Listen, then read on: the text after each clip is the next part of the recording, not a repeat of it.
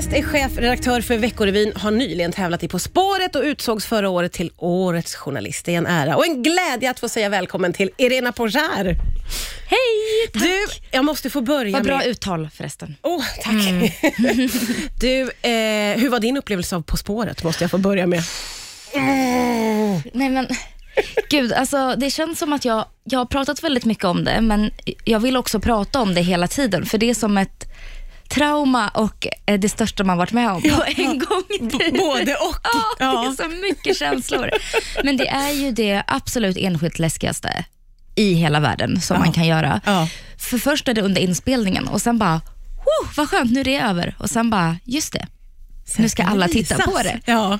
Och det var så här 2,8 miljoner som såg första avsnittet och man bara, det här är inte normalt. Nej, det är helt vansinnigt. Samtidigt tycker alla att man är superintressant som har gjort det. Ja. Eh, och det är en jätterolig upplevelse att ha haft. Men Ja. det är verkligen på ett sätt life changing för att det är så läskigt. Ja, det är ju också ett sånt uppburet program. Det är så hyllat. Det, är så, det sitter Ja. liksom på en piedestal över alla andra underhållningsprogram på något sätt. Nej men det är så, och alla tycker ju saker. Oh ja! Både om det man säger och hur man ser ut och Ja. vem man är och vad ens partner gör. Och liksom, jag vet på, eh, på Veckorevyn då, så min man har skrivit några artiklar på Veckorevyn. Ehm, och det blev så tydligt att de sökträffarna gick upp jättemycket för att folk började googla liksom vem jag var gift med. Och Då slog det mig att så här, just det, nu bryr folk sig om hela mitt liv. Och innan det här, alltså ingen visste ju vem jag var. Alltså jag är verkligen Sveriges absolut minst kända kändis.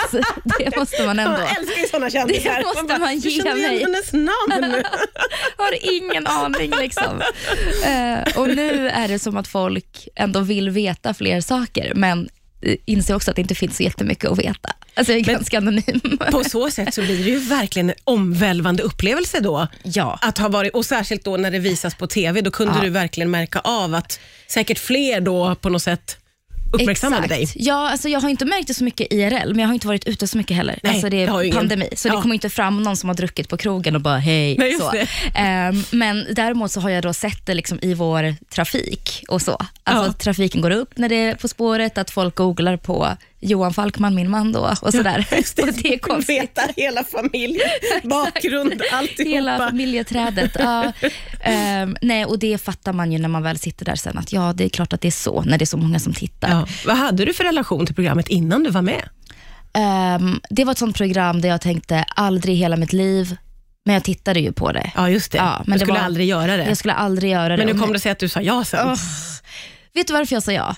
För jag tänkte, tänk om de aldrig frågar igen och så kommer jag sitta där och vara 40 och ingen kommer bry sig om mig längre och så kommer jag bara, jag sa nej till På spåret. Ja, det, den vill man faktiskt inte ha med sig resten nej, av livet. jag vill inte tänka tänk om. Det var ändå rätt att säga ja, kan man väl Tack. slå fast. Veckorevyn har ju genomgått en otrolig förändring, särskilt om man ska prata från när jag var ung. Då var det något helt annat, Irena. Eh, men eh, vad har varit din vision med Veckorevyn? En del av min vision påbörjades ju långt innan jag kom, ska ju sägas. Den här liksom feministiska förvandlingen Veckorevyn har gått igenom. Men när jag började på Veckorevyn 2016 så var min vision att det skulle vara ehm, ett ställe där unga kvinnor kunde komma både för att bli underhållna och informerade kring det de behövde bli informerade av och inspirerade. Eh, och då inte bara att vi sa hur saker skulle vara eh, och att de ska vara på ett visst sätt, utan att faktiskt eh, plocka upp det som kvinnor brinner för. Och Den ganska enkla analysen var väl att kvinnor, unga kvinnor är lika komplexa som alla andra och kan tycka om både att göra manikyr och att eh, lyssna på Ekot och att det inte är det konstigaste som någonsin har hänt. Men det var ju lite så innan Veckorevyn bestämde sig för att ta det här greppet, så var det lite det konstigaste som hade hänt. Vad tänker du om det? Nej, men det känns bara så det är så typiskt. Alltså, och, det, och det är ju inte förvånande att det har varit så med tanke på hur, hur världen ser ut. Liksom. Män har ju generellt ofta fått ha olika intresseområden. Det är klart att de gillar fotboll och aktier, eh, medan kvinnor ofta bara då gillar en grej. Eh, I alla fall om man har läst liksom, kvinnotidningar eller om man har men hur man sett på hur nyhetsrapportering är eh, mot kvinnor och så. Ehm, men det har blivit ganska tydligt för oss och i, i liksom, den datan vi har fått fram, att de gillar båda grejerna. Och det har funkat väldigt bra att leverera båda de grejerna till dem. På Veckorevyns eh, Instagram så står det alltid på unga kvinnors sida. Eh, mm. hur, varför är det viktigt att kommunicera det? Det är så viktigt för att det är sällan någon som är det, tycker jag. Eh, framförallt, nu har ju vi lite äldre läsargrupp än vad många tror. Huvudmålgruppen är egentligen 20 till 35 på Veckorevyn idag. Mm. Men framförallt uh, unga kvinnor, den kulturen som unga kvinnor gillar har ju ofta blivit ganska bespottad och hånad. Alltså från, från Beatles fram till nu. Liksom. Mm. Så det så här, unga kvinnor är hysteriska, de står i kö för, uh, de gillar pojkband, de gillar mode. Gud vad tråkigt. Men sen när, när vuxna gör det så är det okej. Okay, liksom. mm. Och där tycker jag att det har varit viktigt att visa att vi eh, respekterar och tycker om det unga kvinnor tycker om och att vi eh, kommer att eh, lägga resurser och tid på att göra journalistik om det. För att det är viktigt att ta dem på allvar. Vad har ni fått för reaktioner sen ni liksom började jobba på det här sättet? Mycket eh, förvåning först, eh, såklart. Från vem då? Från till exempel dig. Nej, men personer som, framförallt personer som kanske läst Veckorevyn när de var små. Ehm, Veckorevyn hade ju liksom, startade ju Fröken Sverige, det var mycket bantning, det var mycket killpaneler som tyckte till om hur tjejer var. Mm. Och nu är det ju den exakta motsatsen och har ju varit den exakta motsatsen ganska länge, alltså egentligen stora delen av 2000-talet. Um, ehm, så många som det, det hade gått ganska lång tid från att de läste Veckorevyn kände nog att det här går inte alls ihop i mitt huvud. Um, Medan de som har följt de senaste åren inte var lika chockade, men väldigt glatt överraskade över att man tog det här ett steg till och vågade kanske gå in lite mer i politiken, eh, lite mer i nyhetsrapporteringen. Mm. När man följer er på Instagram så blir det väldigt tydligt att eh, ni vill eh, vara tydliga och informera. Mycket mm. politik, mycket om pandemin. Mm. Eh, hur tänker ni där?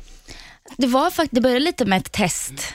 Um, vi på redaktionen gjorde analysen att det var svårt att hitta samlad information om Eh, pandemin som var snabbuppdaterad. Man kunde ju gå in på Folkhälsomyndigheten och se restriktionerna, men om Stefan Löfven höll en presskonferens till exempel, om man gick in på DN eller Expressen så hamnade man i en livechatt där det var jättesvårt att navigera och hitta vad som egentligen sades. Så då tänkte vi, men om vi bara lägger upp typ eh, en punktlista på en fin bakgrundsfärg och lägger upp det på Instagram med vad det är som faktiskt har sagts idag, så ser vi om det går bra. Och det gick så sjukt bra. Um, Alltså vi har haft en helt enorm räckvidd på de här inläggen. Eh, och de är ju väldigt tydliga och bra ja. för alla måste jag säga. Ja, men precis. Det är verkligen inte bara unga som har, har läst det, utan jag ser de här delas överallt, hela tiden. Um, och Jag tror att det vi lyckades göra var att i precis rätt tid hjälpa folk att ta ett ansvar som de ville ta. Mm. Uh, och också göra ett innehåll som ser ut på ett sätt som gör att man vill dela det vidare också i sina egna kanaler, utan mm. att det förstör. För det spelar ju faktiskt roll för många unga idag. Oh ja. Hur det ser ut och hur det limmar med ens varumärke och sådana saker. Mm. Eh, och Det är ganska enkelt gjort, men jag tror att vi tänkte så här, okej okay, målgruppsmässigt, vad kan vi göra för att stoppa spridningen eh, av coronaviruset? Det här var framförallt i november då. Mm. Eh, och Då startade vi också en kampanj som hette Rädda julen då, Ja, ja, just det. Ja, just precis. Det. Så samlade vi allt det här innehållet under Rädda julen och hade en livesändning med Stefan Löfven och ja, gjorde en hel grej kring det. Ja. Eh, det här med att unga kvinnor egentligen genom alla tider har haft problem med att bli tagna på allvar. Hur är det med det idag skulle du säga?